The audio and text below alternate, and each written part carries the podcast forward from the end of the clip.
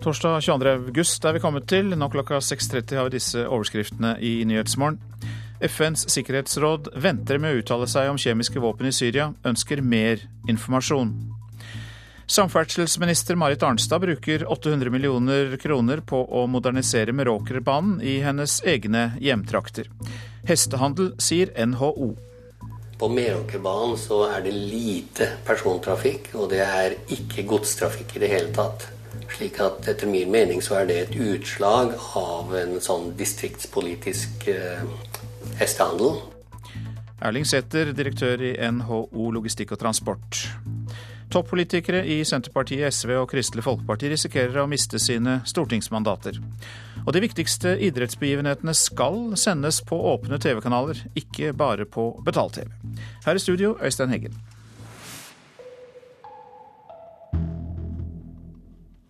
FNs sikkerhetsråd vil ha klarhet i hva som skjedde i Syria i går, før de foretar seg noe mer. De syriske opprørerne anklager regjeringsstyrkene for å ha drept opptil 1300 mennesker i et angrep med kjemiske våpen i utkanten av Damaskus. I natt var det hastemøte i FN. All council members agree alle medlemmene er enige om at dersom det er brukt kjemiske våpen, så er det brudd på folkeretten. Det var det sterkeste FN-ambassadør Maria Kristina Percival kunne fortelle pressen etter hastemøtet. Men Sikkerhetsrådet klarte ikke å bli enige om en felles uttalelse eller erklæring. Russland, som gjentatte ganger har blokkert forslag til straffetiltak overfor Syria, mener det angivelige kjemiske angrepet er en planlagt provokasjon for å presse fram en internasjonal handling. USA og Nato har tidligere sagt at det går en grense dersom de ser bruk eller flytting av kjemiske våpen. Det hvite hus ville i går kveld ikke utdype hva som skjer dersom det nå blir bekreftet. USA-korrespondent Anders Tvegård. Samferdselsministeren bruker 800 millioner på en jernbanelinje bare 70 000 passasjerer bruker i året. NHO kaller det en politisk hestehandel. Og verken godsbransjen eller Jernbaneverket ønsker modernisering av Meråkerbanen, som ligger i hjemtraktene til ministeren. Folk har jo stort sett bil, så men eh, for oss som ikke har bil, så er den veldig viktig. Det er ikke akkurat kamp om sitteplassene på Meråkerbanen denne formiddagen. Og Hvor ofte bruker du sånn cirka Meråkerbanen? Ja, fem ganger om, per år i alle fall. Den er viktig nok langs strekninga som går fra samferdselsminister Marit Arnstad sine heimtrakter, Hell i Nord-Trøndelag, til Storlien like over svenskegrensa, står det få passasjerer og venter. Likevel svir Arnstad av 800 millioner kroner for å gjøre banen elektrisk, så toget ikke må gå på diesel. Tror du Arnstad får mange stemmer i hjemdistriktet sitt på Får nok en del på det. Ja, Men flere mener det er feil bruk av penger, og det er et lite lønnsomt prosjekt av investeringene i Nasjonal transportplan, viser en gjennomgang NRK har gjort. På Meråkerbanen så er det lite persontrafikk, og det er ikke godstrafikk i det hele tatt. Slik at etter min mening så er det et utslag av en sånn distriktspolitisk eh, hestehandel. Sier Erling Sæter, direktør for logistikk og transport i NHO. Han får støtte fra Lars Erik Nybø, avdelingsdirektør i Jernbaneverket. Nei, Vi mener at det er andre prosjekter eh, når det gjelder å utbygge utbyggingsprosjekter som eh, har en høyere prioritet. Og flere av de største aktørene i godsbransjen hadde Meråkerbanen langt nede på ønskelista. Ja, det har omtrent null betydning for vår drift, vi bruker jo ikke denne banen. Sier Einar Spurkeland i transportselskapet Schenker. Nei, Jeg syns det er litt pinlig at ikke Trønder- og Meråkerbanen ble elektrifisert for 40 år siden, og resten av jernbanen gikk over på strøm. Svarer samferdselsminister Marit Arnstad. I tillegg er det jo et godt CO2-tiltak. Det reduserer utslippene av CO2 vesentlig. Og det vil også gi en tid framover der vi nok kommer til å oppleve mer flom og ras, kunne bidra til å være en avlastningsbane for godstransporten nord-syd eh, når da f.eks. Dovrebanen er stengt. Og reportere her, det var eh, Eirin Årdal, David Krekling og Katrine Hammerstad. Ved forrige stortingsvalg stemte hver fjerde velger i Sogn og Fjordane på Senterpartiet. Men på meningsmålingene for det siste året så har partiet ligget svakt på målingene. Samtidig blåser en høyrevind over fylket. På meningsmålingene har de fått nesten dobbelt så høy oppslutning som Senterpartiet. Og selv bønder tar til orde for regjeringsskifte. Her er kalvene, og så eh, når jeg vokser og blir eldre og eldre, så flytter jeg bare bortover sånn. Og så er, kyrne her på den andre sida. Vi er midt i Senterpartiland, i Jølster, der partiet har hatt ordføreren de siste 20 åra. Men det er Høyre-mann Anders Kristian Segrov som viser oss rundt i en av de største fjøsene i Sogn og Fjordane. Nå er det vel ca. 220 dyr vi har her nå. I fjøsen går dyra fritt omkring. De blir fôra automatisk og går sjølve til mjølkeroboten når de vil melkes. Siden han var guttunge har han hatt lyst til å bli bonde, men han jobber 100% ved siden av som tømrer. Nå er han lei av å høre at hans parti er det store trugsmålet mot bøndene. Ja, Høyre er jo et næringsparti, og jordbruket og landbruket det er jo et, eh, en næring. Og eh, jeg eh, tror det at Høyre evner å ta vare på landbruksnæringen på lik linje med andre næringer. For høyrevinden er sterk også i et av landets viktigste senterpartifylker. Ved sist stortingsvalg hadde partiet over 25% av stemmene i fylket. Høyre hadde rett over 12. Men meningsmålingene det siste året har vist en motsatt tendens. Leder Liv Signe Navarsete er også Senterpartiet sin førstekandidat til Stortinget. Hun vedgår at mandatet hennes er mer utsatt enn hun liker. Eh, Sogn og Fjordane har jo mista et mandat eh, fordi at vi ikke har eh, sterk nok folketallsutvikling opp mot de store byfylka som da har fått nye mandat. Og det er jo konkurransen om mandat i hardere, og det gjør jo at de som vil ha et eh, Senterparti representert i rikspolitikken, eh, med meg da, som er førstekandidat, vel, de må stemme på Senterpartiet. Eh, og det blir enda viktigere denne gangen, siden det er færre mandat å fordele. Valgkommentator Knut Henning Grepstad har fulgt valgene i Sogn og Fjordane de siste 40 åra. Han sier Sogn og Fjordane er et svært viktig fylke for Senterpartiet. Det er veldig avgjørende i og med at eh, Liv Signe Navarsete er eh, partileder, eh, statsråd og en av de mest profilerte. Det å kunne syne at hun har en styrke og beholder posisjonen sin i heimefylket, er nok veldig viktig for hennes politiske posisjon i partiet. Det vil fort bli diskusjoner dersom Senterpartiet gjør et veldig dårlig valg i hennes eget heimefylke. Tror du det vil skje? Jeg tror at de kommer til å få et resultat som ligger over de 15% som har målt sist. Eh, kanskje bortimot 20, men eh, det står nå igjen å se. Men eh, at det blir så høyt som de var sist, og de kom på at hver fjerde velger røster Senterpartiet, det har jeg min tvil om. Høyre sin framgang i Senterpartilederen sitt heimfylke er så sterkt at det går utover nattesøvnen til Navarsete. Helt uavhengig av mitt eget mandat og Senterpartiets oppslutning, så har det hendt eh, at jeg har vakna om natta og tenkt akkurat på hvordan det skal gå med landbruket, eh, med bygdene, eh, med å utvikle arbeidsplasser. Hva er det egentlig som ja, hva blir konsekvensene for mange av bygdene i Sogn og Fjordane? Det er det spørsmålet jeg stiller meg, og jeg må ærlig tilstå at jeg har ikke noe godt svar på det. Men, men forstår ikke velgerne sitt eget beste, da? Det, det tror jeg de gjør. Uh, og så tror jeg at uh, det en sier på meningsmåling, det er nå én ting. Uh, det er én meningsmåling som er viktig for meg. Det er den som folk avgjør den 9. september. Men tallet på unge bønder har fallet dramatisk også medan Senterpartiet har vært i regjering. Den unge bonden i Jølster trøster seg med at det i alle fall ikke kan bli verre enn det er. Jeg tror det at med den utviklinga som har vært de siste årene i landbruket, som vi òg ser og føler på kroppen her i distriktet, Jølster. At uh, vi kanskje ikke tek, uh, har ikke så mye mer å tape på om vi får en ny regjering med en ny politikk. Reporter var Lars Petter Degnepoll. Valgforsker Toril Aalberg ved NTNU, du er med oss. Og etter å ha hørt dette, hvordan vurderer du situasjonen for partileder Liv Signe Navarsete i hjemfylket? Altså jeg skjønner jo at hun er urolig. Senterpartiet har gått kraftig ned i Sogn og Fjordane det siste. Og på de siste her meningsmålingene så er hun jo inn med på den siste distriktsmandatet med relativt liten margin. Men de her lokale målingene er, er ganske usikre, for det er relativt få personer som blir spurt. Men, eh, så, så det er ingen grunn til å være garantert noen plass, nei. Nei, vi, vi, kan jo gjenta det at de går jo fra fem mandater og ned til fire i Sogn og Fjordane etter denne justeringen som har kommet nå. Mm. Det ble jo sagt her at Senterpartiet alltid mobiliserer eh, i siste del av valgkampen. Eh, hva tror du om det?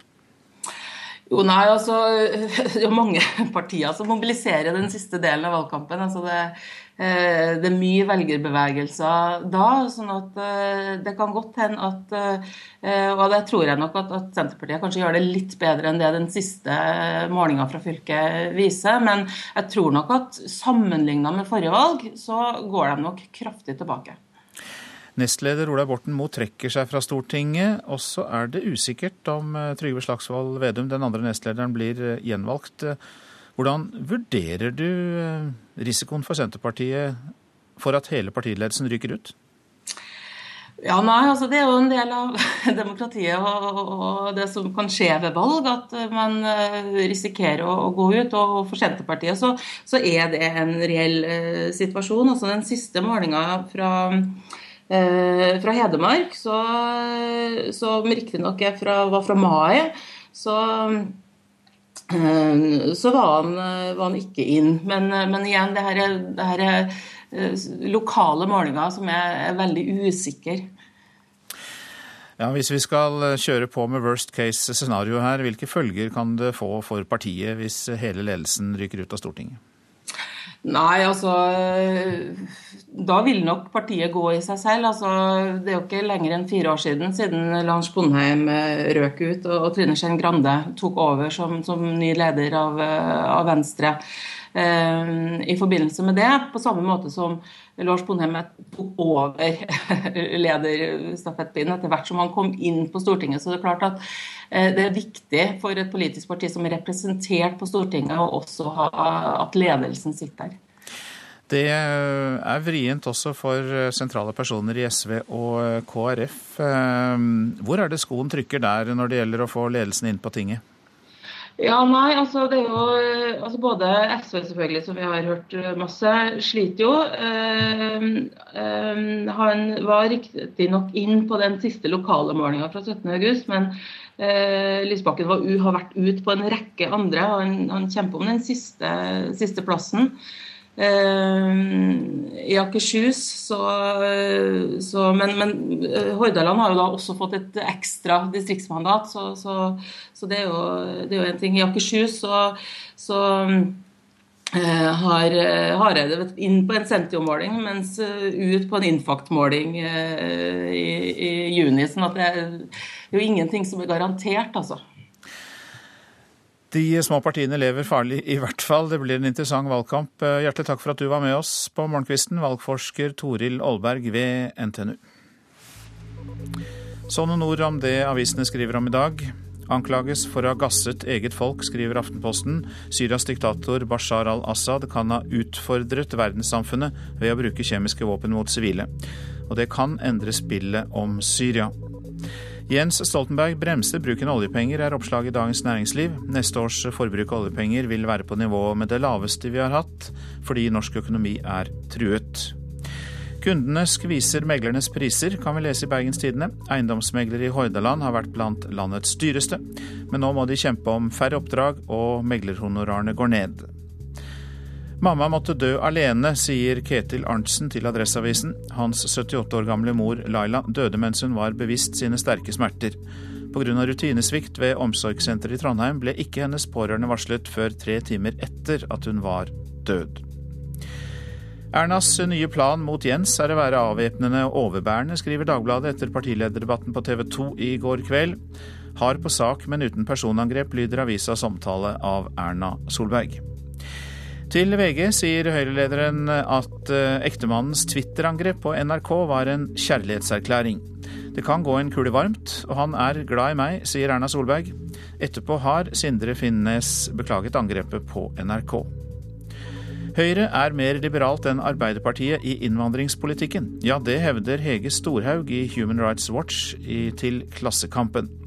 Hun frykter hodeløs innvandring med Erna Solberg som statsminister. Liv Signe Navarsete advarer bøndene mot Venstre og Kristelig Folkeparti på Nasjonens forside. De prioriterer ikke distrikt og landbruk, hevder Senterpartilederen. Og som vi nettopp eh, omtalte også her i Nyhetsmorgen, politiske profiler kan være på vei ut av Stortinget. Både fra Senterpartiet, KrF og eh, fra SV, ifølge Vårt Land.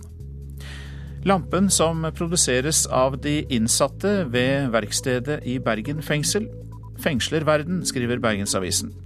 Designlampen er blitt en suksess og lovprises av fasjonable butikker i Europa og Asia.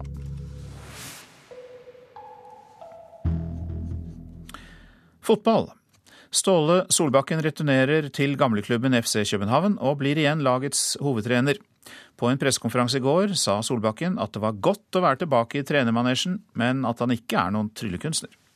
Jeg gleder meg, og jeg hadde aldri, aldri, aldri, aldri sagt ja hvis jeg ikke hadde vært 120 motivert. Og jeg kan ikke vente til å komme på den treningsbanen i morgen klokken ti eller halv elleve eller når vi måtte trene. Jeg er ingen David Copperfield, det sa Ståle Solbakken etter at han ble enig om å ta over et FC København i sportslig krise. Solbakken har fått treårskontrakt med den danske klubben. Lagets trener Ariel Jacobs har fått sparken med umiddelbar virkning. Nå gjelder det å få FCK tilbake der det hører hjemme, men alle som sitter her i rommet, eh, kenner eller har sett mer FCK-fotball enn meg eh, de siste to årene. Jeg har en jobb å lage. FCK har slitt i sesongstarten i Danmark og står med to poeng etter fem kamper. Storklubben ligger nest sist på tabellen, men er kvalifisert til Mesterligaens gruppespill. At vi kommer til å gi dem mange gode stunder, det tror jeg òg. Men, men dem, som, dem, som, vi må være forberedt på at, uh, at i fotball så, så er det òg et annet hold på andre siden. Og det er mange andre som gjør et riktig godt stykke arbeid. Så, så man må være ydmyk i forhold til det.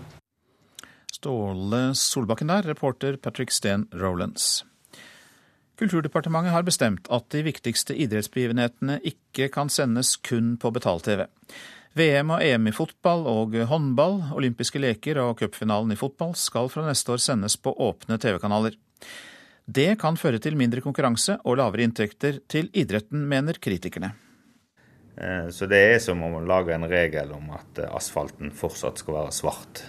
Det sier president i Norges Fotballforbund, Yngve Hallén, om regjeringas vedtekne liste over idrettshendinger som skal gå på gratis TV-kanaler. Ingen skal kunne gå glipp av det om vi slår Brasil i fotball-VM igjen. Storhendingene i idretten kan selges til betalt-TV-kanaler, men da er de plikta til å selge rettene videre til en av kanalene som inngår i grunnpakkene til TV-leverandørene, dersom de vil kjøpe. Det er ikke Konkurransetilsynet særlig nøyd med.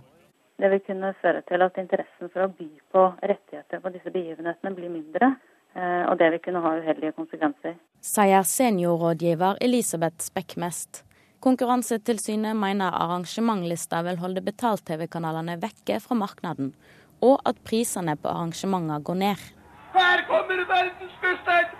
På Kulturdepartementets liste står VM og EM i fotball for menn, cupfinalen, VM og EM i håndball for kvinner, OL, Holmenkollen FIS World Cup og VM på ski i alpint og i skiskyting. Vi har sett i andre land at uh, listeføring i seg sjøl har gjort at uh, det har vært en konkurransedreining.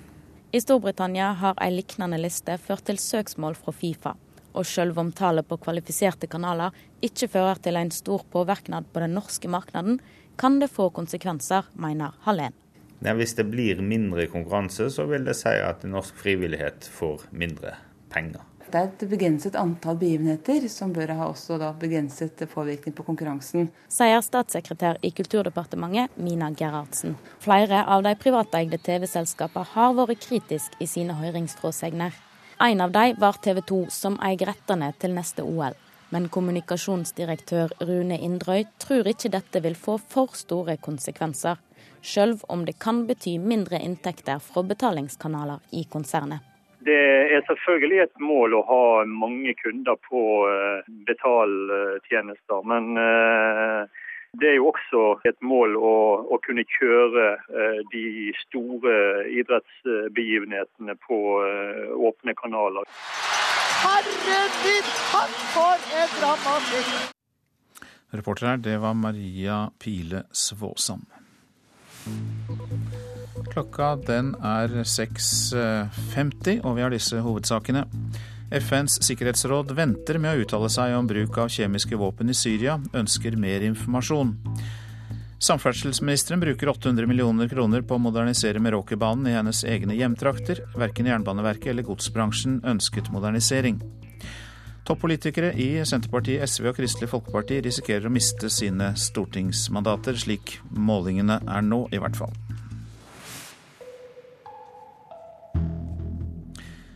De mange medieoppslagene om politimannen som er siktet for drap i Bamble i Telemark, er svært utfordrende for politiet, sier politiadvokat Lise Dalhaug. Kriminalsaken har fått stor oppmerksomhet, samtidig som Vestfold-politiet forsøker å komme til bunns i mysteriet på Breviksbrua.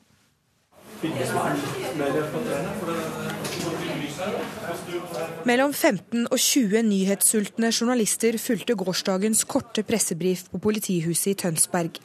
Foran dem en politiadvokat som opplever et medietrykk av de sjeldne. Denne saken står vel i en særstilling i forhold til interesse fra media, ut fra de andre sakene som vi har. Lise Dalhaug og resten av etterforskningsteamet ved Vestfold politidistrikt sier de jobber på spreng for å finne ut av hva som skjedde den natta Linn Madeleine Bråten døde. Så langt mener de at en politimann har dytta eller kasta henne ned fra Breviksbrua. Etterforskninga skjer parallelt med at aviser og nett, radio og TV stadig fylles med nye avsløringer. Jeg kan ikke si om det har fått en konkret skadevirkning i denne saken, men det er jo alltid uheldig at vitner som ennå ikke har forklart seg for politiet, kan bli påvirket av det som står i media. Jan Erik Lauré er redaksjonssjef i VG. Han legger ikke skjul på at det er mange som jobber med saken hos dem, men mener heller at politiet bør se på hvilken ressurs mediene er for etterforskninga. Jeg tror politiet i denne saken skal være glad for at allmennheten og pressen har samlet inn opplysninger. Ellers så hadde de kanskje ikke hatt noen sak. Når dere diskuterer hva som skal ut i aviser og på nett, tar dere da hensyn til politiet og etterforskinga i noen grad? Det gjør vi. Vi vurderer hvilke opplysninger som eventuelt kan skade. Reporter Grete Ingebjørg Berge. Hver eneste dag offentliggjøres det nye målinger om partienes oppslutning før valget. Interessen for resultatene er stor, men det er få som ønsker å delta i undersøkelsene. Mange tar ikke telefonen, og enda flere takker nei til å være med. Ser, det ser ikke hensikten i, altså. Ja, jeg det var tøffelig å sagt fra. Ja. ja, jeg ville nok lagt på, men jeg skulle si beklager hvis jeg er for krass. Det ville jeg gjort. Og med dere, da? Ville dere svart? Nei, jeg, jeg ville ikke svart. Nei, jeg tror ikke det. Jeg er ikke noe interessert. Jeg vet hva jeg skal stemme på. De er ikke alene om å takke nei til spørreundersøkelser. For ifølge bladet Forskning har det vært en stor nedgang i svarprosenten de siste årene. Professor i statsvitenskap Ottar Hellevik sier at dette skaper en viss usikkerhet rundt valgmålingene, som det er mange av for tida. Vi får et, en usikkerhet rundt omkring om det er noen tendenser til at det er spesielle grupper som uh, er blitt mindre villige. For da kan du jo få en skjevhet i, i resultatene. Hvilke velgere er det som dropper å svare? Det som er spesielt tydelig, det er at det er vanskeligere å få unge til å delta. Der er svarprosentene lavest. Dersom det var stortingsvalg i morgen, hvilket parti vil du stemme på da? Tast 11 hvis du ikke ville stemt eller ikke vet hvilket parti. Tast 12 for Arbeiderpartiet. Tast 13 for Fremskrittspartiet. Infact er et av selskapene som jevnlig leverer valgmålinger til media. Fagsjef Knut Weber mener at de får svar fra et representativt utvalg, selv om det alltid er mange som ikke ønsker å delta. Det er én av fire omtrent av de som tar telefonen, som velger å svare på spørsmålene. Men hvor mange er det da som ikke tar telefonen?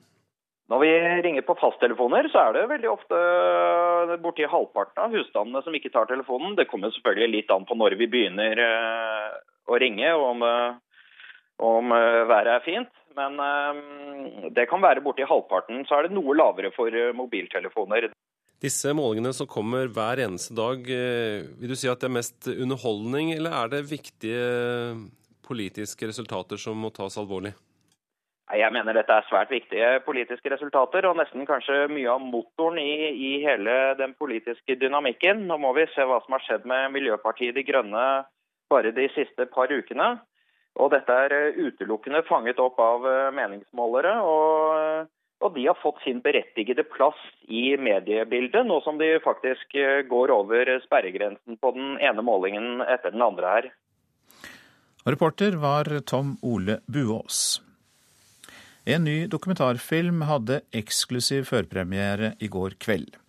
Den heter This Is Us og handler om popgruppa One Direction. Og det er en film som eh, får fram både hyl og tårer hos jentene i salen. Er dere klare?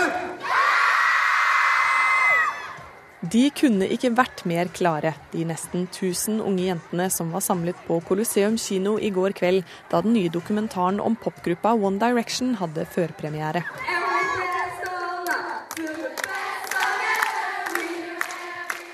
Benedikte Jacobsen Hamnes er programleder i NRKs ungdomskanal MP3, og hun mener det er mange grunner til at denne gruppa er blitt så populær. De hadde utseendet med seg, de hadde stemmen. Fikk eh, gode låtskrivere, en bra manager i Simon Cowell. Og da var det jo bare én vei, og det var mot stjernene, det, altså. Stjerner er de blitt, og jenter landet over gleder seg til filmen. Bård Ayon Flaen er presseansvarlig for filmdistributøren, og godt fornøyd med førpremieren. Da billettene ble lagt ut, så ble de jo revet bort på 90 minutter, og det er jo egentlig ganske utrolig. Han tror filmen vil falle i god jord. Ja, man, man ser at eh, publikum her er ganske hauset opp allerede. Nå er det jo Størstedelen av publikum her i kveld er jo jenter. Eh, og det, det, kan man jo høre, at de, de syns det er gøy. Hamnes forteller at slike dokumentarfilmer gir folk et spesielt innblikk i sine yndlingsartisters liv fansen til One Direction får se disse gutta eh, på en måte i settingen man kanskje ikke ser de ellers, da. Så, så jeg tror det er nærhet eh, denne filmen her vil tilføre eh, dette popfenomenet, altså boybandet. Og så viser det også at gutta er ydmyke, liksom, og vil at fansen skal bli kjent med dem på en annen måte. Det virker for øvrig som at de kjenner dem godt allerede. Jeg syns de er veldig jordnære gutter, da. De er så ekte, liksom. Ja, det er ikke så klisjé. Jeg elsker musikken, og så er de jo kjekke, da. og endelig skal kjekkasene dukke opp på skjermen. Da sier vi one group, one band.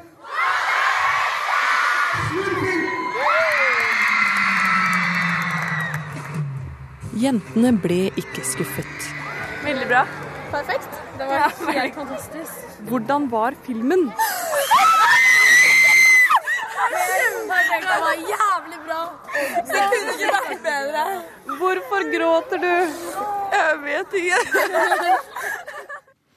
ja, en viss interesse der for uh, popgruppa One Direction.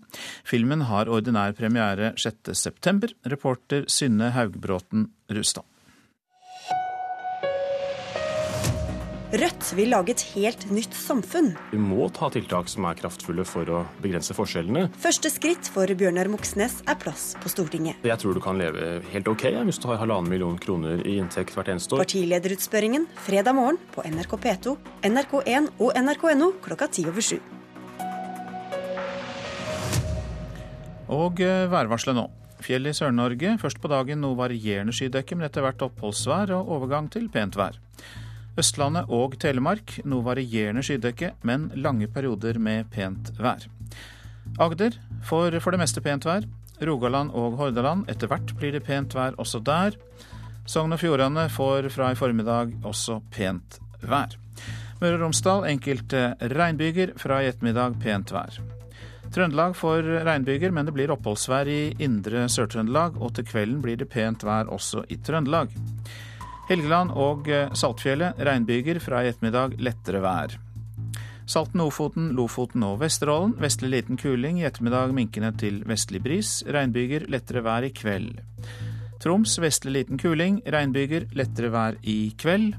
Finnmark regnbyger, fra i kveld periodevis liten kuling i øst. Nordensjøland på Spitsbergen enkelte regnbyger. Temperaturer som ble målt klokka fem. Svalbard lufthavn sju, Kirkenes ni, Vardø elleve, Alta og Tromsø-Langnes åtte, Bodø og Brønnøysund ti. Trondheim-Værnes og Molde 11 grader, Bergen-Flesland 10. Stavanger har vi ikke fått inn, men Kristiansand-Kjevik har vi. Der var det 14 grader klokka fem. Gardermoen 10, Lillehammer 9, Røros 7 og Oslo-Blindern hadde 10 grader.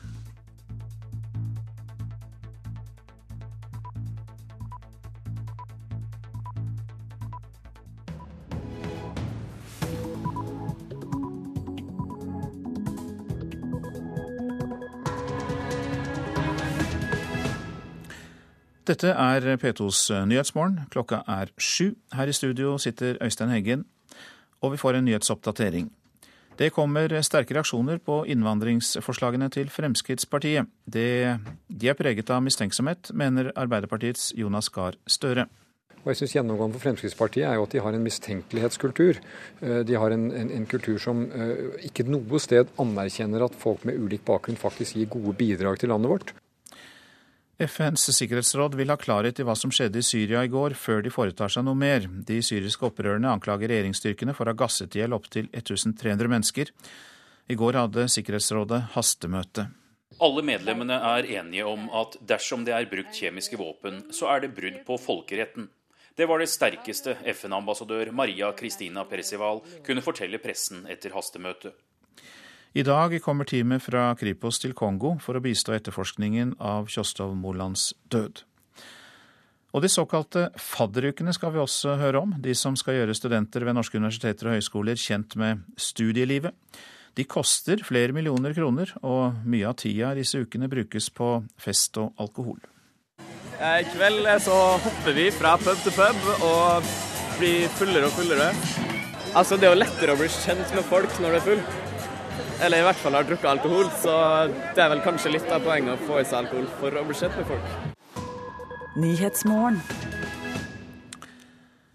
FrPs innvandringsregnskap er tidenes drøyeste angrep på menneskers rettigheter. Det mener SVs utviklingsminister Heikki Holmås.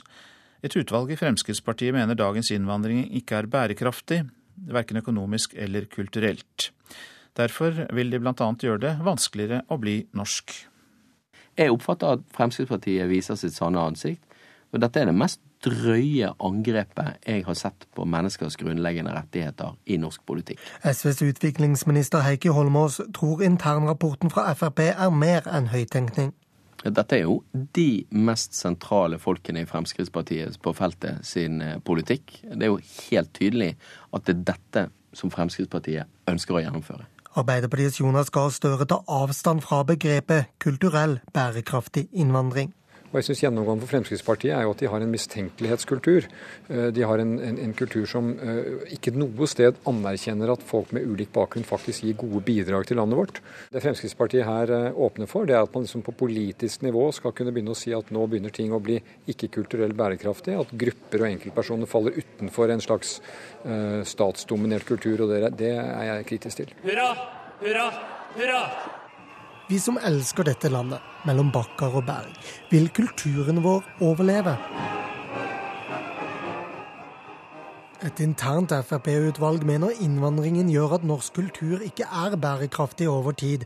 De vil stramme inn familieinnvandring, si opp asylinstituttet, ta arbeidsinnvandrere ut av folketrygden og ha en betydelig strengere språk-, kunnskaps- og inntektskrav for å få statsborgerskap. Dette er ikke Frp-politikk nå.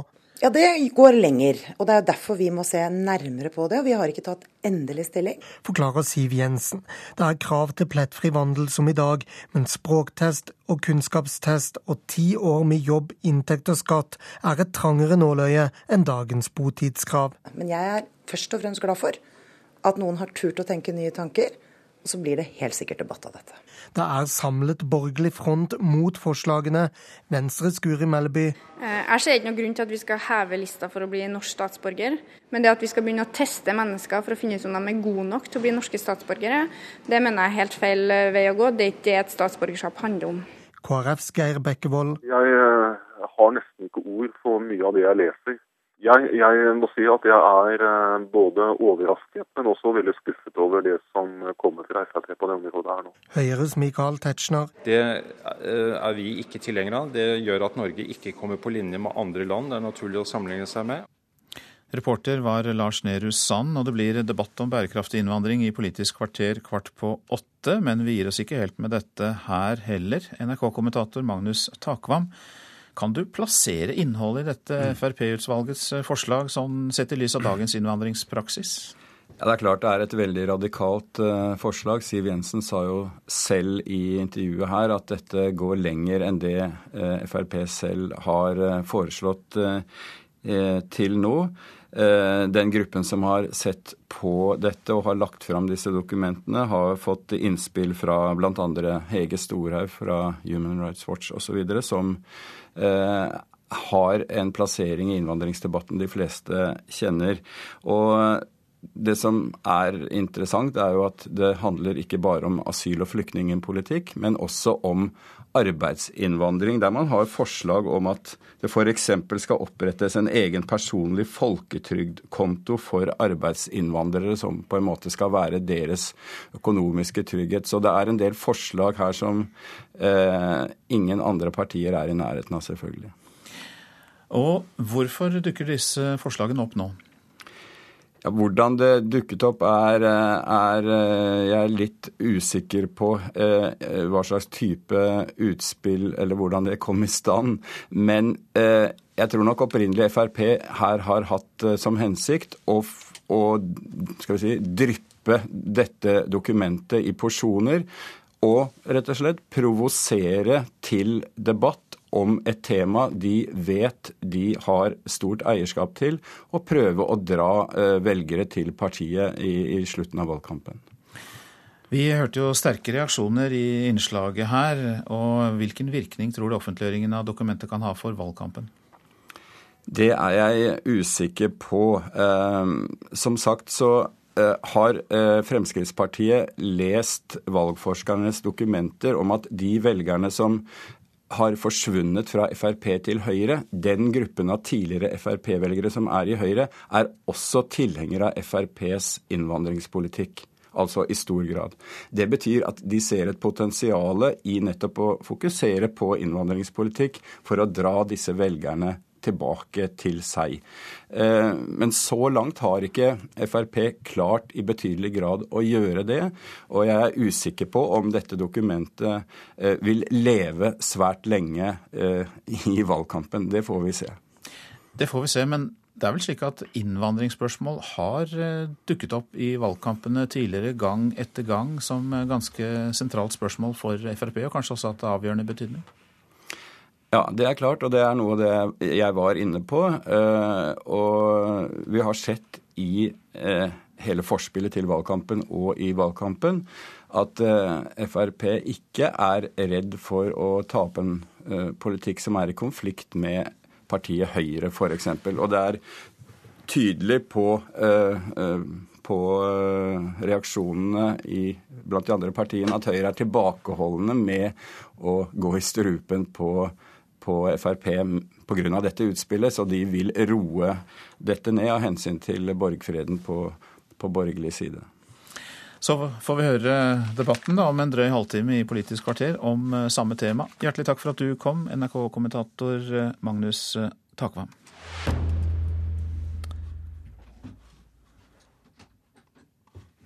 FNs eh, sikkerhetsråd eh, vil ha klarhet i hva som skjedde i Syria i går, før de foretar seg noe mer.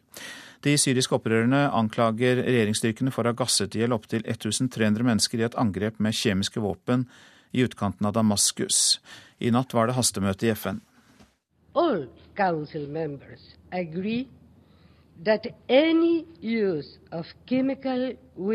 alle medlemmene er enige om at dersom det er brukt kjemiske våpen, så er det brudd på folkeretten.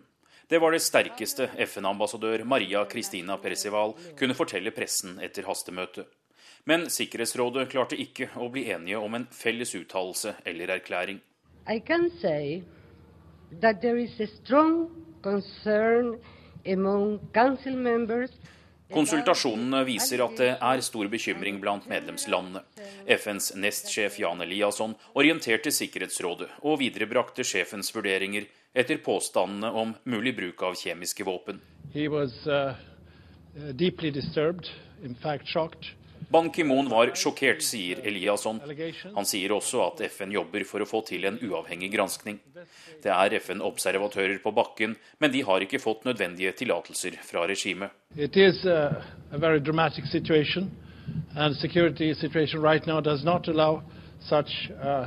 uh.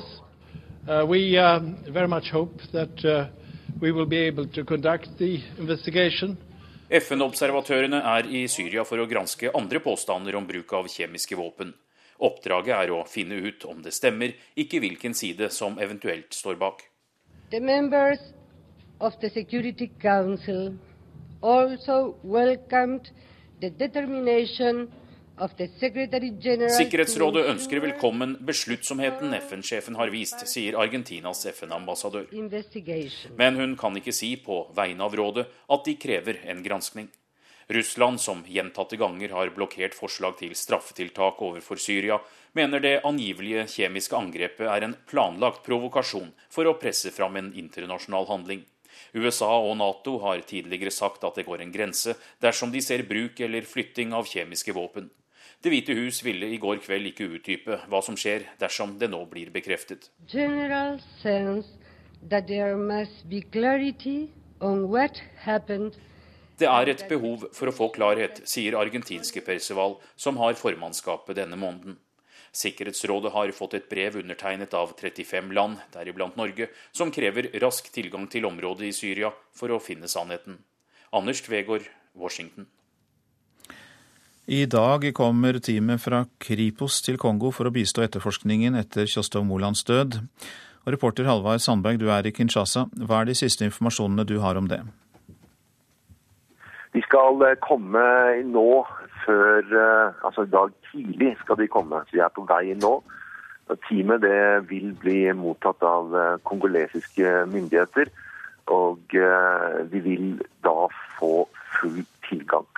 Jeg har snakket med informasjonsministeren i Kongo, og han sier at planen er at de skal arbeide. De skal få mulighet til å gjøre alt de trenger å gjøre. Og de får ikke lov til å arbeide uavhengig, de må alltid ha med seg en kongoleser. Men de skal definitivt fungere som en del av en gruppe, og ikke bare være observatører. Du har også snakket med Joshua French, og han er jo blitt beskyldt av kongolesiske myndigheter for å ha hatt noe med dødsfallet å gjøre. Hva er de reaksjonene han kommer med? Han er veldig fornøyd med at Kripos kommer inn. Han fortalte meg at han var veldig skeptisk til den etterforskningen som har blitt gjort av kongolesiske myndigheter til nå, spesielt det kriminaltekniske. Så både han og kongolesiske myndigheter ser frem til å få folk som har teknologisk ekspertise til å kunne gjøre en helt Uh, grundig undersøkelse uh, i denne saken her. Det er uh, spesielt teknologien som kongoleserne vil at Norge skal ha med seg, slik at de kan være helt sikre på at det et, at de har kommet frem til en riktig konklusjon. Takk skal du ha, Halvard Sandberg, som er vår reporter i Kinshasa nå. Ja, du lytter til P2s Nyhetsmorgen. Klokka den har passert 7.13. Vi har disse hovedsakene. Det er en borgerlig front mot innvandringsforslagene fra Frp-utvalg. SVs Heikki Holmås kaller forslagene tidenes drøyeste angrep på menneskers rettigheter. FNs sikkerhetsråd sa i natt at de ønsker klarhet i hva som har skjedd i Syria, før de uttaler seg om eh, det som kan ha vært et kjemisk angrep. Rådet klarte ikke å bli enige om en felles uttalelse. Seinere i sendinga kvinner i nord vil ha Jens Stoltenberg som statsminister. Det viser en ny meningsmåling derfra. I dag eh, starter rettssaken mot den tidligere kinesiske topplederen Bo Xilai. Dermed avsluttes en av de største politiske skandalene i Kina siden Mao Zedongs kone ble stilt for retten etter diktatorens død i 1976, altså ved avslutningen av kulturrevolusjonen. Bård Xilai er anklaget for korrupsjon og maktbruk, og får ventelig en lengre fengselsstraff. Dommen er trolig alt avgjort av ledelsen i det allmektige kommunistpartiet.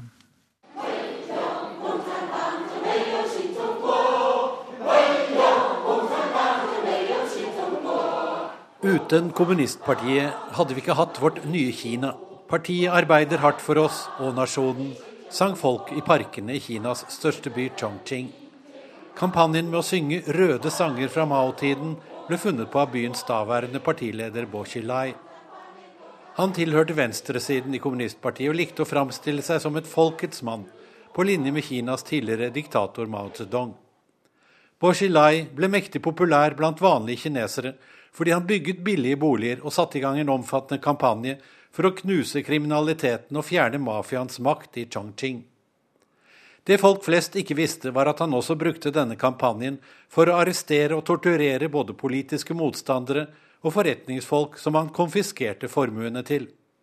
I tillegg mottok han store beløp i bestikkelser, på samme måte som svært mange andre ledere i Kinas kommunistparti. Det var ikke det at han var korrupt som alarmerte de andre topplederne i kommunistpartiet, men at han var på jakt etter deres makt. De oppdaget at han hadde satt i verk hemmelig avlytting av kommunistsjefens telefoner, og fryktet at han var ute etter å bli eneleder i partiet og diktator i Kina, på linje med Mao. Bo Xilai kunne ha blitt en ny Mao, sier den politiske analytikeren Zhang Lifan. Mange andre toppledere fryktet ham, de mente Bo Xilai var uten sperrer og kunne arrangere drap på sine politiske motstandere. De syntes han var for farlig og ville bli kvitt ham, sier Chang. I fjor vår fikk de anledningen, etter at hans politisjef hadde flyktet til USAs konsulat i nabobyen og fortalt ikke bare om omfattende korrupsjon, men også at hans kone hadde tatt livet av den britiske forretningsmannen Neil Haywood. Disse avsløringene utløste den største politiske skandalen i Kina siden oppgjøret etter kulturrevolusjonen, da Mao døde i 1976. I dag står Bo Xilai for retten med en nokså barbert anklage. Kinas kommunistparti bestemmer hvordan domstolene skal dømme, og partiet vil unngå at folket får en mistanke om at også andre tilsvarende toppledere har like store eller større ulovlige formuer. Ja, det sa vår Asia-korrespondent Anders Magnus, som følger rettssaken mot uh, Bård Skilai. Journalist i Dagbladet, Julia Pettersen, god morgen til deg. God morgen. Du har skrevet masteroppgave om blogging i Kina, og det blir det jo stadig mer av. Så i hvilken grad har denne rettssaken preget de sosiale mediene? Du, den saken her har vært til stede i sosiale medier i Kina helt siden da tidligere politisjef Wang Lijun søkte tilflukt eh, og ga informasjon som førte til at Bo Xilai når da står tiltalt og hans kone allerede har blitt dømt for, for, drap.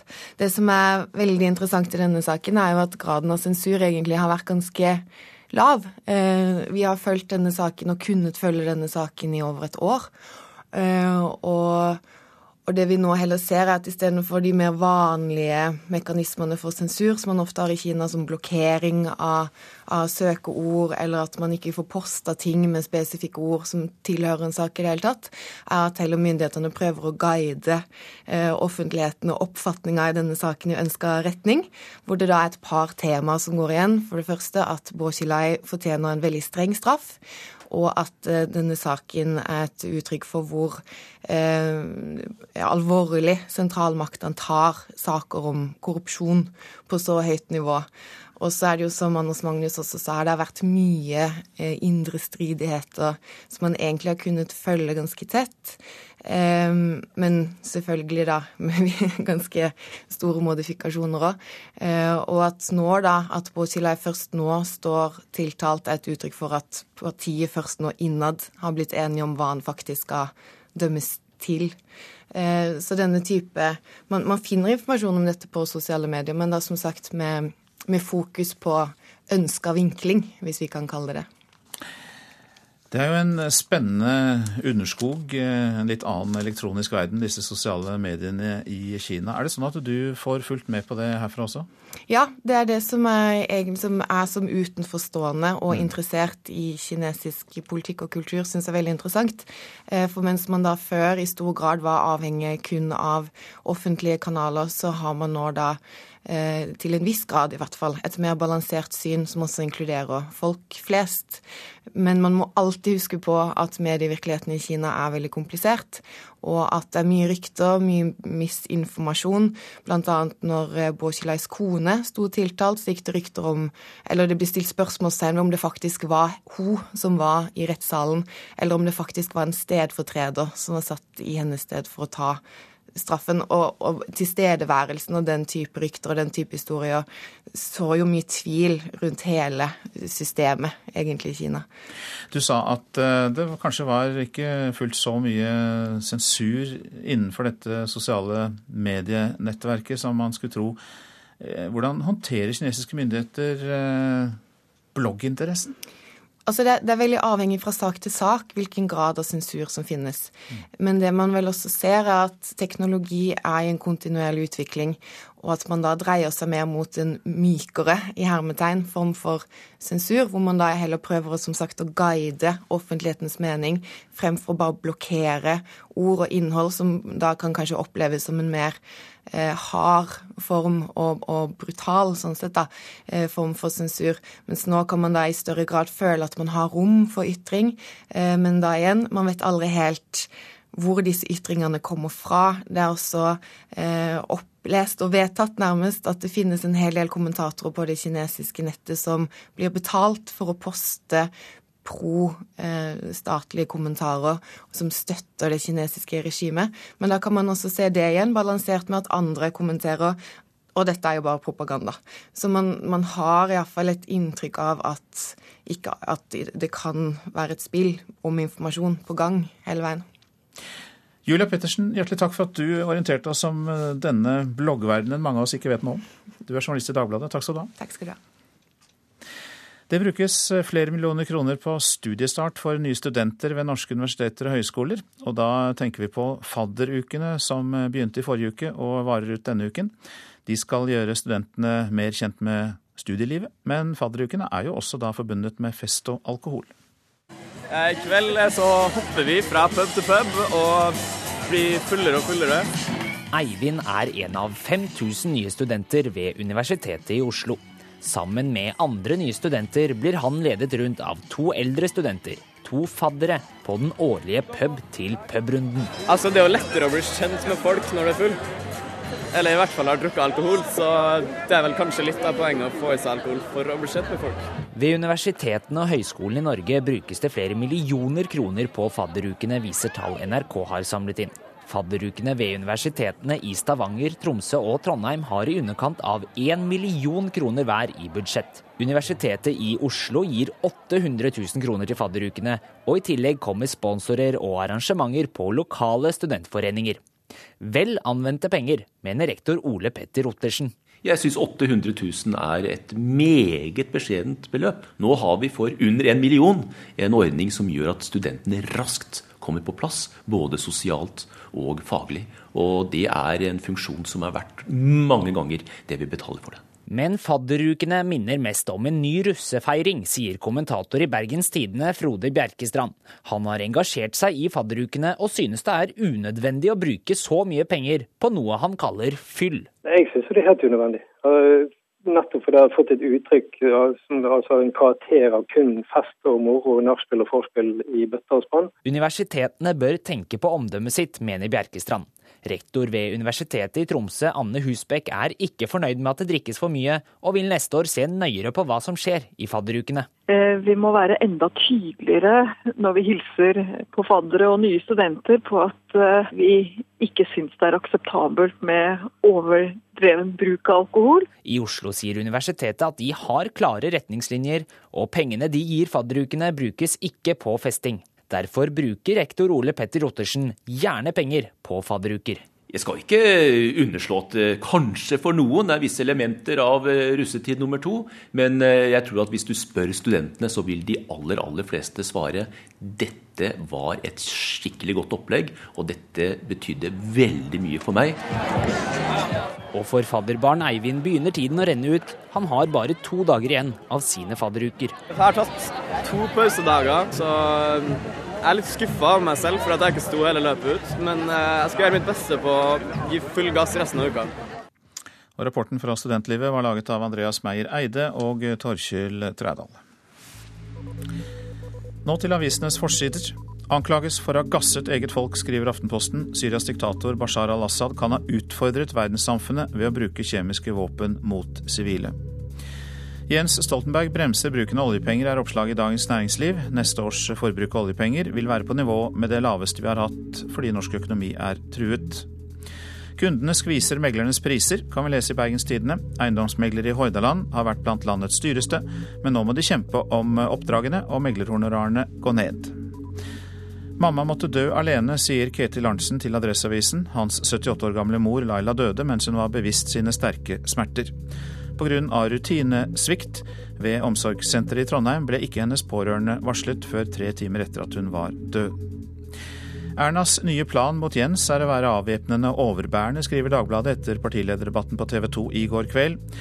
Hard på sak, men uten personangrep, lyder avisas omtale av Erna Solberg. Og til VG sier Høyre-lederen selv at ektemannens Twitter-angrep på NRK var en kjærlighetserklæring. Det kan gå en kule varmt, og han er glad i meg, sier Erna Solberg.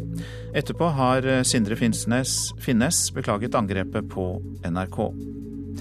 Høyre er mer liberalt enn Arbeiderpartiet i innvandringspolitikken. Det hevder Hege Storhaug i Human Rights Service i Klassekampen. Hun frykter hodeløs innvandring med Erna Solberg som statsminister. Lampen som produseres av de innsatte ved verkstedet i Bergen fengsel, fengsler verden, skriver Bergensavisen. Designlampen er blitt en suksess og lovprises av fasjonable butikker i Europa og Asia. I en ny meningsmåling sier 55% av de spurte kvinnene i Nordland fylke at de vil ha Jens Stoltenberg som statsminister. Nærmere 34% av kvinnene vil ha Erna Solberg. Ser vi kvinner og menn samlet, så er det fortsatt Jens som er mest populær i det fylket. Og målingene er gjort for NRK Nordland, Saltenposten og Helgelands Blad. Hvem du foretrekker som statsminister etter valget, Erna eller Jens? Jens. Hvorfor da? Jeg syns han har gjort en bra jobb. Tenk på hvor vanskelig det har vært på mange vis. Så syns jeg det. Jeg syns Jens har gjort en veldig bra figur, så jeg syns han er en bra representant for landet. Jeg ser jo at han har mannlig sjarme, men jeg er ikke overbegeistra over han som, som uh, statsleder. Der har du mer tro på Erna? Ja, faktisk. Jeg har i hvert fall tro på et skifte. Sjarme eller ikke sjarme, i Glasshuset i Bodø er det politikken til de to statsministerkandidatene folk er mest opptatt av. Og selv om den ferske meningsmålinga viser at et klart flertall vil ha Jens Stoltenberg, så finnes det mange som ønsker et statsministerskifte. Jeg tror nå Erna er den likeste. Hvorfor da? Hun lover ikke så veldig mye. Hun klarer vel å holde kanskje det hun lover. Hvem du vil ha som statsminister etter valget, han Jens eller Erna? Erna. Hvorfor da? For jeg står, liker hennes politikk bedre. Jeg tror det blir han Jens. Jeg er glad for støtte, og ikke minst er det hyggelig å få støtte fra mange kvinner i Nordland. Jeg tar det som inspirasjon når de støtter meg som statsminister. Og ut fra målinga har han et solid forsprang i Nordland. Blant kvinner er det så mange som vel 55% som vil ha Jens Stoltenberg som statsminister, mens 33% vil ha Høyres Erna Solberg. Sjøl ser ikke Stoltenberg bort fra at hans sommerfiske i Bindal for litt siden kan ha gitt han noen ekstra napp. Ja, jeg møtte mye folk der, og jeg drev noe valgkamp òg, selv om det var mest ferie. Men jeg tror ikke at, at selv om jeg traff mye mennesker, at det i seg selv er nok til å både sikre flertall totalt blant befolkningen i Nordland, og spesielt blant kvinnene. Den nye målinga i Nordland viser at valgkampen hardner til.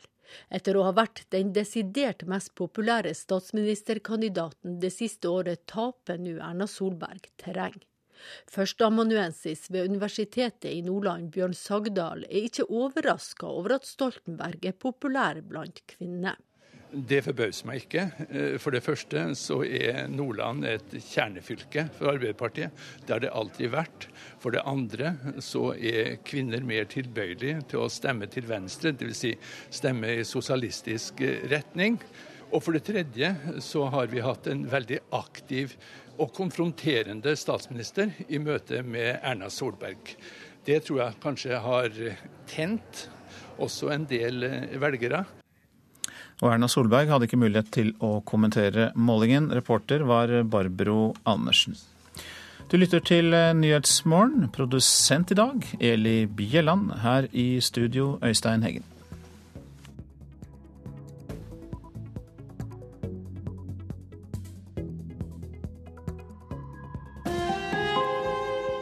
Hør ekko. Været er for dårlig, klasserommene for små. Frukten er for billig, sykehusene for dyre, lønna er lav, gresset for høyt. Den norske klagemuren vokser, særlig nå før valget. Hvorfor syter vi så mye her i verdens rikeste land? Ekko 9 11 i NRK P2.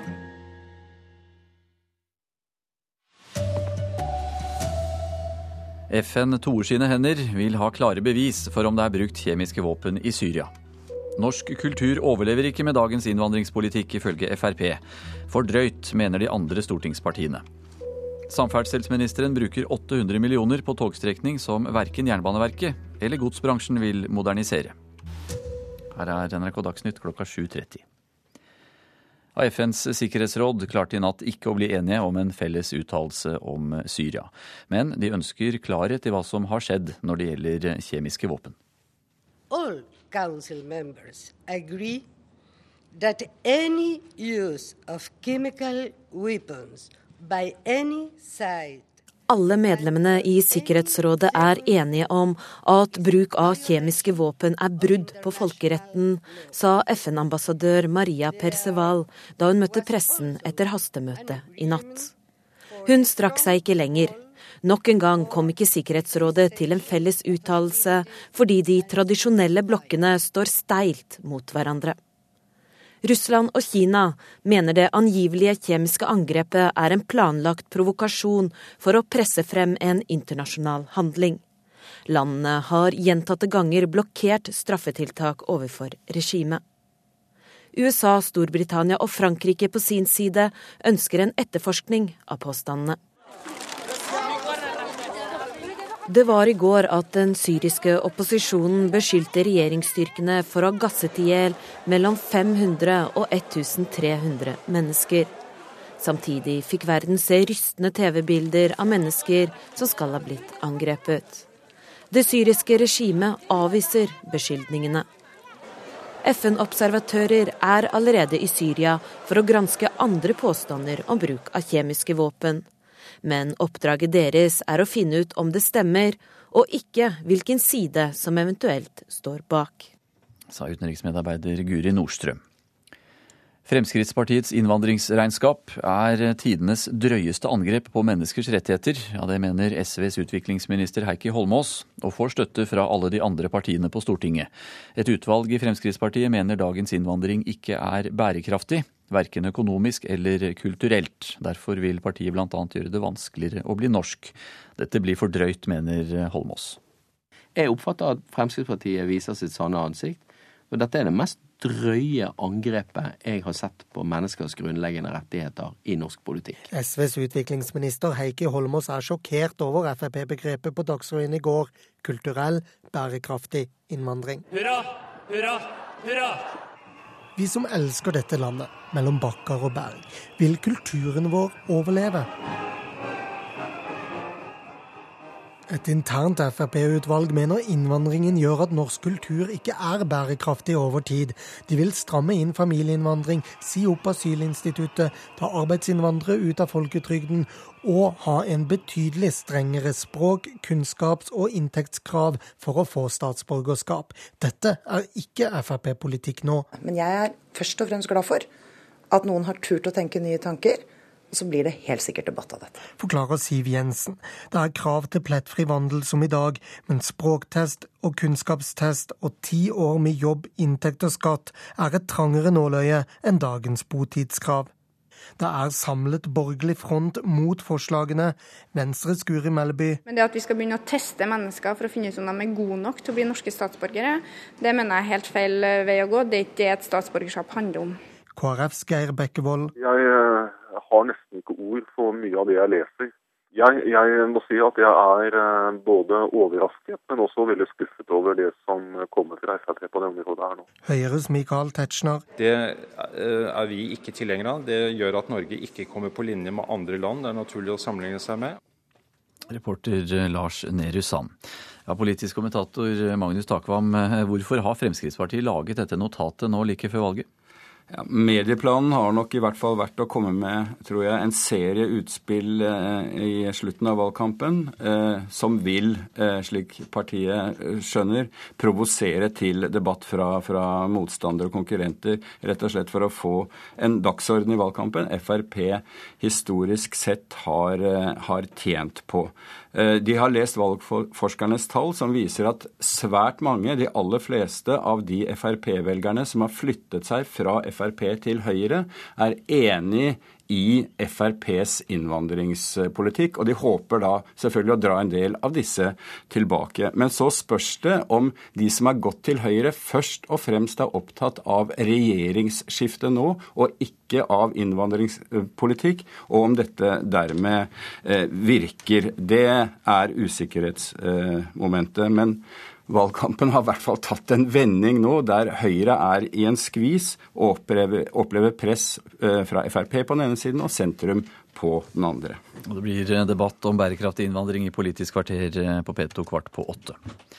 Den tidligere kinesiske topplederen eh, Bo Xilai nekter straffskyld for tiltalen om eh, korrupsjon. I dag startet rettssaken der Xilai står tiltalt for korrupsjon og maktmisbruk. Rettssaken avslutter en av de største politiske skandalene mm, i Kina siden kulturrevolusjonen. En lengre fengselsstraff er trolig allerede avgjort av kommunistpartiet, som bestemmer over eh, domstolene, mener Asia-korrespondent Anders Magnus. Bo Xilai var svært populær, bl.a. fordi han bygde boliger, sier han. Det de ikke visste, var at han også ble anklaget for å ha stjålet store summer fra det samme folket gjennom omfattende bestikkelser. Kinas kommunistparti er gjennomsyret av korrupsjon, så årsaken til hans fall var en annen, at de andre topplederne fryktet ham og for sine egne liv, sier den politiske analytikeren Zhang Lifan. Xilai kunne ha blitt en ny Mao, han hadde ingen grenser, og de andre topplederne var redde for at Bo kunne få dem drept, for selv å bli eneleder og diktator i Kina, sier Zhang Lifan. Samferdselsminister Marit Arnstad bruker 800 millioner kroner på en jernbanelinje i sine egne hjemtrakter. Bare 70 000 passasjerer bruker togstrekningen årlig, og NHO kaller det en eh, politisk hestehandel. Folk har jo stort sett bil, så men eh, for oss som ikke har bil, så er den veldig viktig. Det er ikke akkurat kamp om sitteplassene på Meråkerbanen denne formiddagen. Og Hvor ofte bruker du ca. Meråkerbanen? Ja, fem ganger om per år i alle fall. Langs strekninga som går fra samferdselsminister Marit Arnstad sine heimtrakter, Hell i Nord-Trøndelag, til Storlien like over svenskegrensa, står det få passasjerer og venter. Likevel svir Arnstad av 800 millioner kroner for å elektrifisere banen, så toget ikke må gå på diesel. Men flere mener det er feil bruk av penger, og det er et lite lønnsomt prosjekt av investeringene i Nasjonal transportplan, viser en gjennomgang NRK har gjort. På Meråkerbanen så er det lite persontrafikk, og det er ikke godstrafikk i det hele tatt. Slik at etter min mening så er det et utslag av en sånn distriktspolitisk eh, hestehandel. Sier Erling Sæter, direktør for logistikk og transport i NHO. Jernbaneverket sier at andre prosjekt står lenger oppe på deres prioriteringsliste, og store aktører i godsbransjen sier at de om lag ikke bruker banen. Men samferdselsminister Marit Arnstad mener den burde blitt modernisert for lenge siden. I tillegg er det jo et godt CO2-tiltak. Det reduserer utslippene av CO2 vesentlig. Og det vil også i en tid framover der vi nok kommer til å oppleve mer flom og ras, kunne bidra til å være en avlastningsbane. Reporter Eirin Årdal. Rosenborg har ikke vært i en semifinale i NM i fotball på ti år. I går så var det en danske som sendte trønderne et steg nærmere cupfinalen. Nikki Bille Nilsen, for en showman! Nikki Bille Nilsen har på kort tid blitt en av Rosenborgs mest omtalte spillere. I går kom han fra benken og avgjorde på overtid. Ja, det, det står skrevet i historiebøkene at, at, jeg kom inn og skåret, så det, det var perfekt. Og du så den jubel der var både for spillere og trenere og på stadion. Nå venter Haugesund i Rosenborgs første semifinale siden 2003. Alexander Søderlund kom fra Haugesund til RBK i juni. I går skåret han trøndernes første mål mot Vålerenga, og vil ikke vise nåde, heller mot gamle lagkamerater. Det blir spesielt, men her skal vi, jeg skal søre meg til finalen, så det er ikke snakk om å tape. Alexander Søderlund til reporter Knut Ingesem. I den andre semifinalen så møtes Molde og Lillestrøm. Ansvarlig for Dagsnytt i dag, det er Sven Gulvåg. Frode Thorshaug har det tekniske ansvaret. Jeg heter Anders Borgen Werring. Rødt vil lage et helt nytt samfunn. Vi må ta tiltak som er kraftfulle for å begrense forskjellene. Første skritt for Bjørnar Moxnes er plass på Stortinget. Jeg tror du kan leve helt ok hvis du har halvannen million kroner i inntekt hvert eneste år. Partilederutspørringen fredag morgen på NRK P2, NRK1 og nrk.no klokka ti over sju.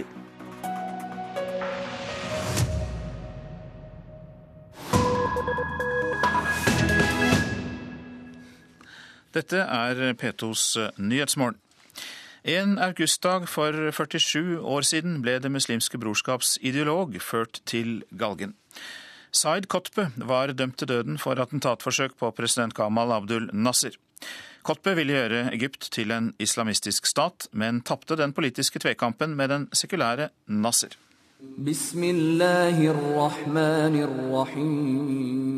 Ideologien til Kutb lever videre. Han har inspirert både fredelige og voldelige islamistrørsler, som til dømes Al Qaida. Sayed Qutb vokste opp på den egyptiske landsbygda. Han viste tidlig pedagogiske evner og formidla kunnskap til de i landsbyen som ikke kunne lese. I Kairo fikk han britisk utdanning av koloniherrene, og fikk seg en god jobb i Utdanningsdepartementet. Vendepunktet kom ifølge han sjøl da han reiste på studietur til USA.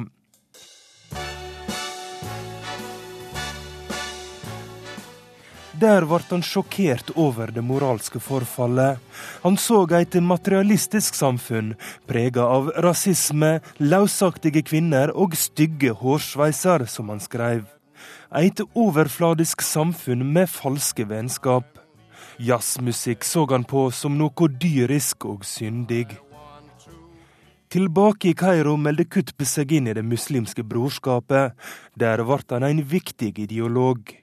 Kutb og brorskapet støtta revolusjonen i 1952. De mente kongen og regjeringa var marionetter for britene.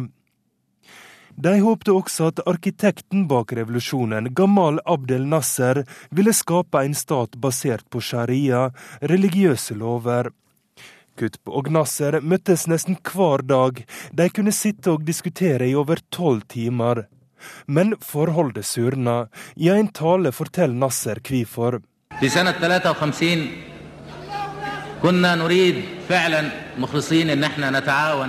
I 1953 prøvde vi virkelig å gjøre kompromiss med brorskapet, forteller Nasser til partiet sitt. Jeg møtte lederen deres, han sa til meg og kom med kravene sine. Og hva var det han krevde? Det første han bad om, var å gjøre det obligatorisk for kvinner å gå med hodeplagg. Alle kvinner i gata må gå med skaut.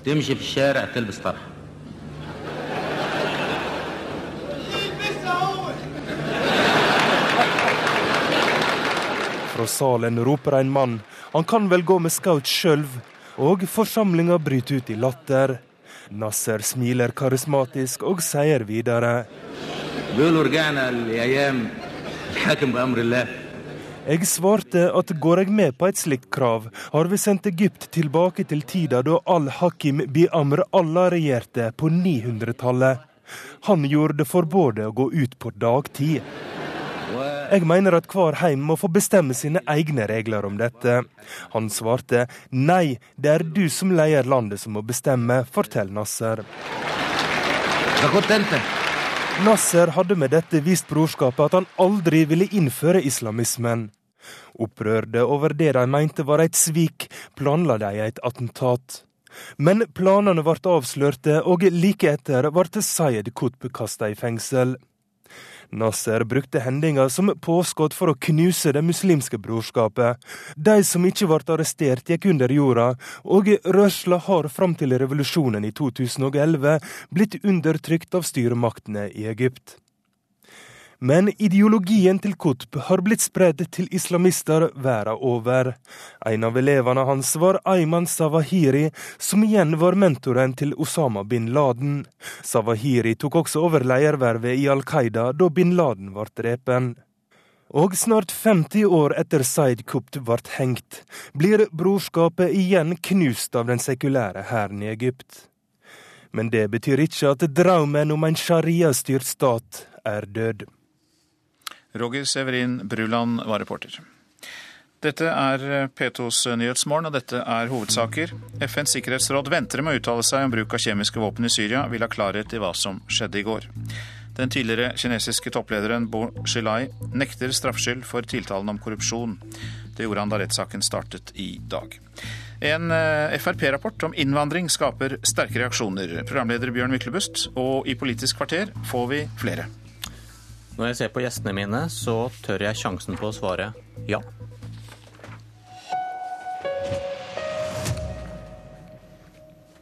Men først, leder i Fremskrittspartiet Siv Jensen, god morgen. God morgen. Hva er norsk kultur? Den debatten har vi ofte hatt. Det som er utgangspunktet for denne rapporten som vi skal diskutere i dag, er at norsk eh, innvandringspolitikk ikke er bærekraftig. Derfor eh, så har vi hatt et eh, internt utvalg som har jobbet med å se på ulike tiltak for å styrke eh, Norges muligheter til å takle dette i fremtiden, for å redusere utgiftene. Eh, vi må med andre ord snu alle steiner. Så er det sånn at eh, mange av de forslagene som utvalget har lansert, allerede er Fremskrittspartiets politikk. Men noen av de er nye. Og det er tiltak som vi har tenkt å diskutere grundig. Og se på om og hvis og når vi eventuelt vil implementere som Fremskrittspartiets politikk. Men jeg er veldig glad for at noen tør å tenke nye tanker. Og så er jeg jo ikke veldig overrasket da over at forslagene våre blir sablet ned nesten uten at man har rukket å tenke gjennom hva det innebærer. Sånn har det alltid vært i debatten om norsk asyl- og innvandringspolitikk. Hver gang vi har gått foran og tenkt nytt, så har de andre kappes om å ta avstand fra det for 10-15-20 år etterpå og være enige likevel. Det var et langt svar på noe som ikke var spørsmålet. Hva er norsk kultur? Så det som er utgangspunktet i denne rapporten, handler om at vi må tørre å være stolt av eh, det norske, for samtidig å kunne være rause med andre kulturer. Jeg syns det er et viktig utgangspunkt. Vi må tørre å fremheve vår kulturarv, vår særegenhet, vårt opphav, vår historie. Eh, det mener jeg styrker enhver nasjon når de også skal møte andre kulturer. Men Siv Jensen, dette er også svar på et spørsmål jeg ikke stilte. Jeg spurte hva er norsk kultur?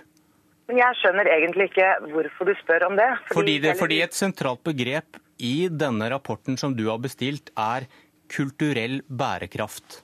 Og Nei, da må man kanskje er... definere hva norsk kultur er? Nei, det er et innspill som er kommet i dette, og som vi gjerne tar en diskusjon om. Men det som er Fremskrittspartiets utgangspunkt i denne diskusjonen, det er at vi må tørre å fremheve og være stolt av vårt opphav. Og det er jo det den kulturdiskusjonen handler om.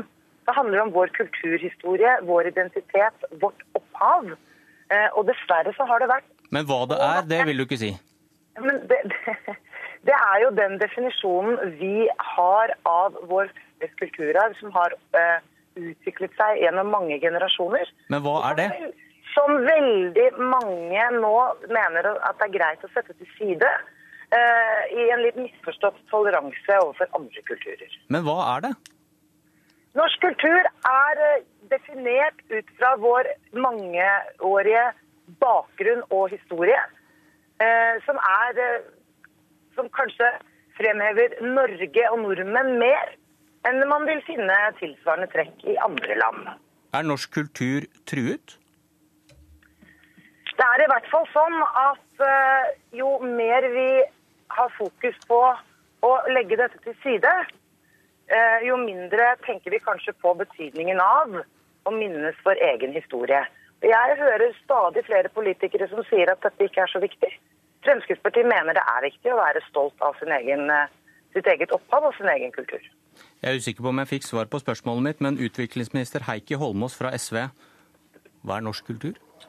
Norsk kultur er et eh, bredt begrep. Vi har eh, gjennom intro, eh, den meldingen som ble fremlagt for Stortinget rett før sommeren, og som ble behandlet, trukket frem en rekke verdier som vi mener det er viktig å basere det norske samfunnet på. Deriblant er menneskerettigheter, demokrati, likestilling, små sosiale forskjeller det at vi har et samfunn som baserer seg på vitenskap, barns rettigheter, noen av de verdiene vi legger til grunn. Og så mener vi jo at kultur, norsk kultur, det er alt det som utøves enten på norsk, eller eh, kunst og kultur som utøves på norsk, eller av folk som bor i Norge. Og en av de største angrepene på norsk kultur, det er det jo Fremskrittspartiet som står på. Både fordi at de kutter i kulturbudsjettene opp mot halvannen milliard. Vi har forpliktet oss til å satse mer på norsk kultur i bredt uttrykk, og fikk altså kunstnere, 700 kunstnere som var med okay, på å støtte opp under det. Nå er vi på, på, et sidespor. Er norsk kultur truet, Holmås? Nei, det er han ikke. Hva syns du om denne rapporten som du også har tittet i? Jeg syns at det er det sterkeste angrep på grunnleggende menneskelige rettigheter i Norge som jeg har sett i løpet av alt mitt politiske liv. For de går altså inn og angriper rettigheter som folk har. La meg ta noen eksempler. Fremskrittspartiet foreslår at barn som er født av en norsk far, Eh, og en utenlandsk mor ikke lenger skal få arve faren sitt statsborgerskap. Det betyr har du en norsk mann som er gift med en thailandsk mor, og du får barn i Norge, så skal de ikke barna lenger få norsk statsborgerskap. Andre ting som de foreslår, det er at det skal bli bortimot umulig å få komme som ektefelle og leve i Norge. Hvis en norsk jente drar til Australia for å studere, blir der, studerer ferdig sin bachelorgrad eller blir utdannet sykepleier, gifter seg, så skal vedkommende ikke få lov til å få ektefellen til Norge. Jeg mener dette er et grove angrep på nordmenns og andre folk som bor i Norge sine rettigheter, og jeg syns det er stygt. Jensen? Jeg er ikke veldig overrasket over disse knallharde angrepene. Jeg tror ikke Heikki Holmås har satt seg inn i hva som ligger i denne rapporten. Jo, jeg har det. Ja, så jeg har lyst til å understreke at dette er eh, viktige innspill til en debatt som både Fremskrittspartiet har tenkt å ta, og som jeg mener hele det norske samfunn må ta i forhold til hvordan vi kan begrense innvandringen til Norge. Da må vi tørre å snu en del steiner for å se på nye virkemidler. Det jeg syns er oppsiktsvekkende i debatten om norsk asyl- og innvandringspolitikk, at det bare er Fremskrittspartiet som tør å lansere nye tiltak og ideer. Nå er vi midt inne i en debatt om uh, mulige fremtidige kostnadsøkninger i norsk økonomi. Da er SV raskt ute og snakker om skatteskjerpelser eh, både her og der. Eh, men de er ikke villige engang til å se på det faktum at den manglende bærekraften i norsk innvandringspolitikk, hvis den får lov å fortsette, vil koste samfunnet vårt mellom 40 og 50 milliarder kroner hvert eneste år. Da er det faktisk grunn til å lete etter eh, virkemidler for å redusere denne utgiftsposten. Ja, og Det dere gjør, det er å angripe grunnleggende rettigheter til mennesker. Vi jobber for å sørge for at folk skal komme seg i arbeid gjennom å satse på kvalifiseringsprogrammer. Sørge for at kvinner kommer seg i arbeid.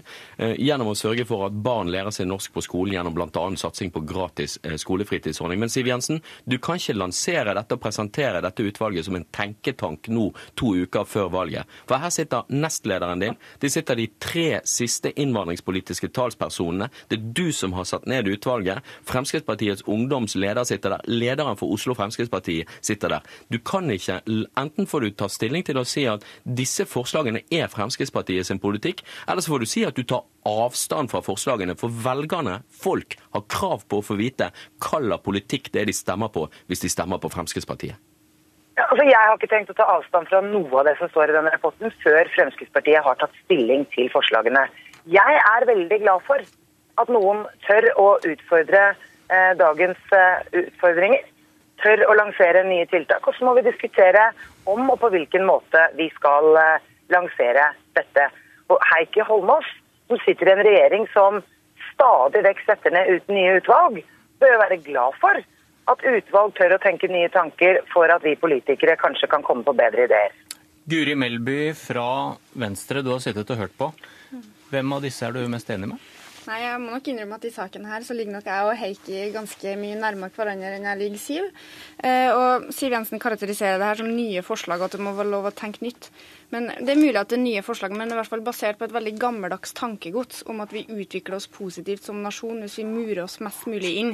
Jeg tror jo at alle de nasjonene som har lyktes og som har hatt positiv utvikling, både kulturelt og økonomisk, det er jo land som har vært utovervendt, som har vært åpne for å ta imot nye impulser og nye mennesker. Og jeg mener jo at eh, det er ikke bare oljen som har vært det positive i Norge de siste 30-40-50 åra. Det har nettopp vært det at vi har åpna oss mer mot verden og fått verden inn til oss. Jeg tror det har ført til en veldig positiv kulturell og økonomisk utvikling. Og Det var også en debatt her tidligere om hva er egentlig norsk kultur.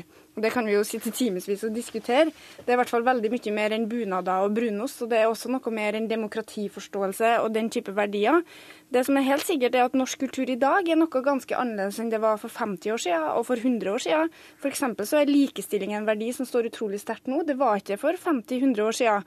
Eh, homofiles rettigheter, det, eh, inkludering og mangfold er utrolig mye mer positivt i det norske samfunnet. og Derfor så mener jeg at det å se på kultur som noe statisk som vi må bevare, akkurat sånn som det er nå, eh, det tror jeg er veldig lite produktivt. Eh, og Derfor så mener jeg at Eh, denne rapporten er egentlig fullstendig verdiløs. Den gir ingen ny informasjon, og det er gamle tanker pakka inn i ny, ny, ny drakt. Men da lurer jeg på et sånn evig spørsmål, Guri Melby, i valgkampen. Du vil fjerne han som sitter ved siden av deg, som du er så enig med, og du kan komme til å garantere for hun som sitter i telefonen. Problemet er jo at det er ikke Heikki som styrer innvandringspolitikken i dag heller. Det er hovedsakelig Arbeiderpartiet som styrer innvandringspolitikken.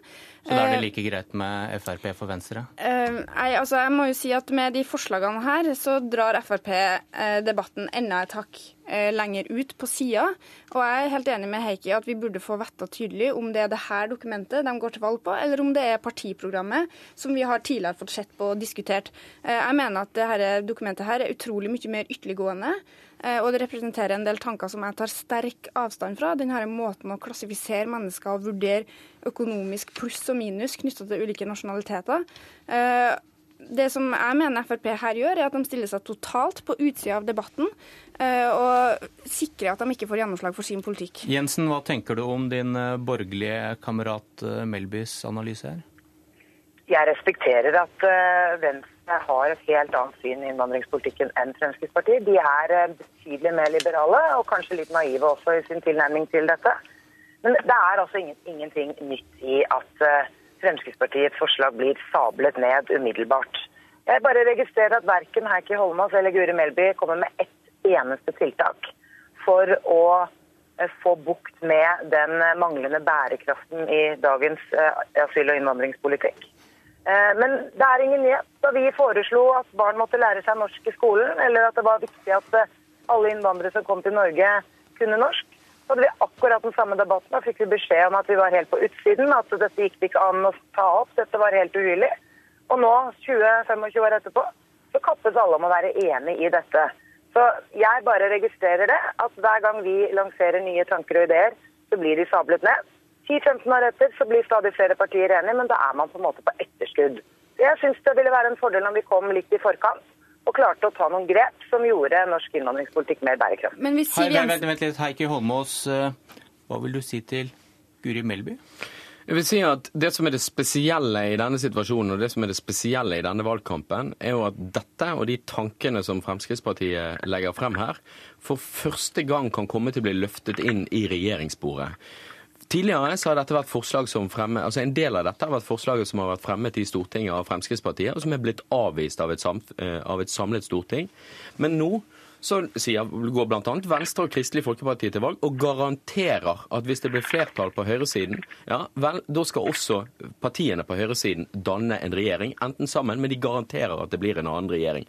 Og Fremskrittspartiet er tydelige. De er bare med i en regjering og støtter den hvis de sitter der sjøl. Det betyr at for første gang i historien kan dette komme til å bli temaer regjerings, rundt regjeringsbordene. Og vi vet at de temaene man brenner for, sånn som Fremskrittspartiet brenner for den innvandringspolitikken de står for, de blir ofte politikken til regjeringen. Melby? Ja, Da har tydeligvis ikke SV eh, sine hjerter brent så veldig for innvandringspolitikken. For eh, akkurat det her med når, eh, Et av forslagene til Frp er jo bl.a. det å stramme inn muligheten til å få norsk statsborgerskap. Og Det er jo noe som også Soria Moria-erklæringa har gått inn for, og som SV har diskutert, og som Senterpartiet har diskutert. Det å f.eks. stille krav om språktesting for å få norsk statsborgerskap. Så det er jo ikke noe som Frp står alene om. Men jeg har lyst til å kontre litt det som Siv Jensen sier om at vi aldri foreslår noen tiltak for men, å skape mer vi, Vi har litt dårlig tid, og jeg har et spørsmål til, skjønner du. Uh, sitter jeg her med en Frp-er på telefon og to nyttige idioter i studio, Holmås? Nei, vi tar jo et sterk avstand fra det Fremskrittspartiet foreslår. Men hver gang vi... de kommer med sterke tiltak mot eh, innvandring, så hopper dere? Tvert imot. Vi har jo sørget for at eh, en del av de tingene som den forrige regjeringen gjennomførte, som f.eks. å fjerne norskopplæring i asylmottak, det gjeninnførte vi. Vi sørget for å gjøre det lettere å få til fornyet behandling av asylsøknader. Vi har ved flere anledninger sørget for at barn får muligheten til å bli og få opphold i Norge. Poenget er at Fremskrittspartiet og Venstre står sammen om en ny politikk. Det var det vi rakk. Politisk kvarter er slutt.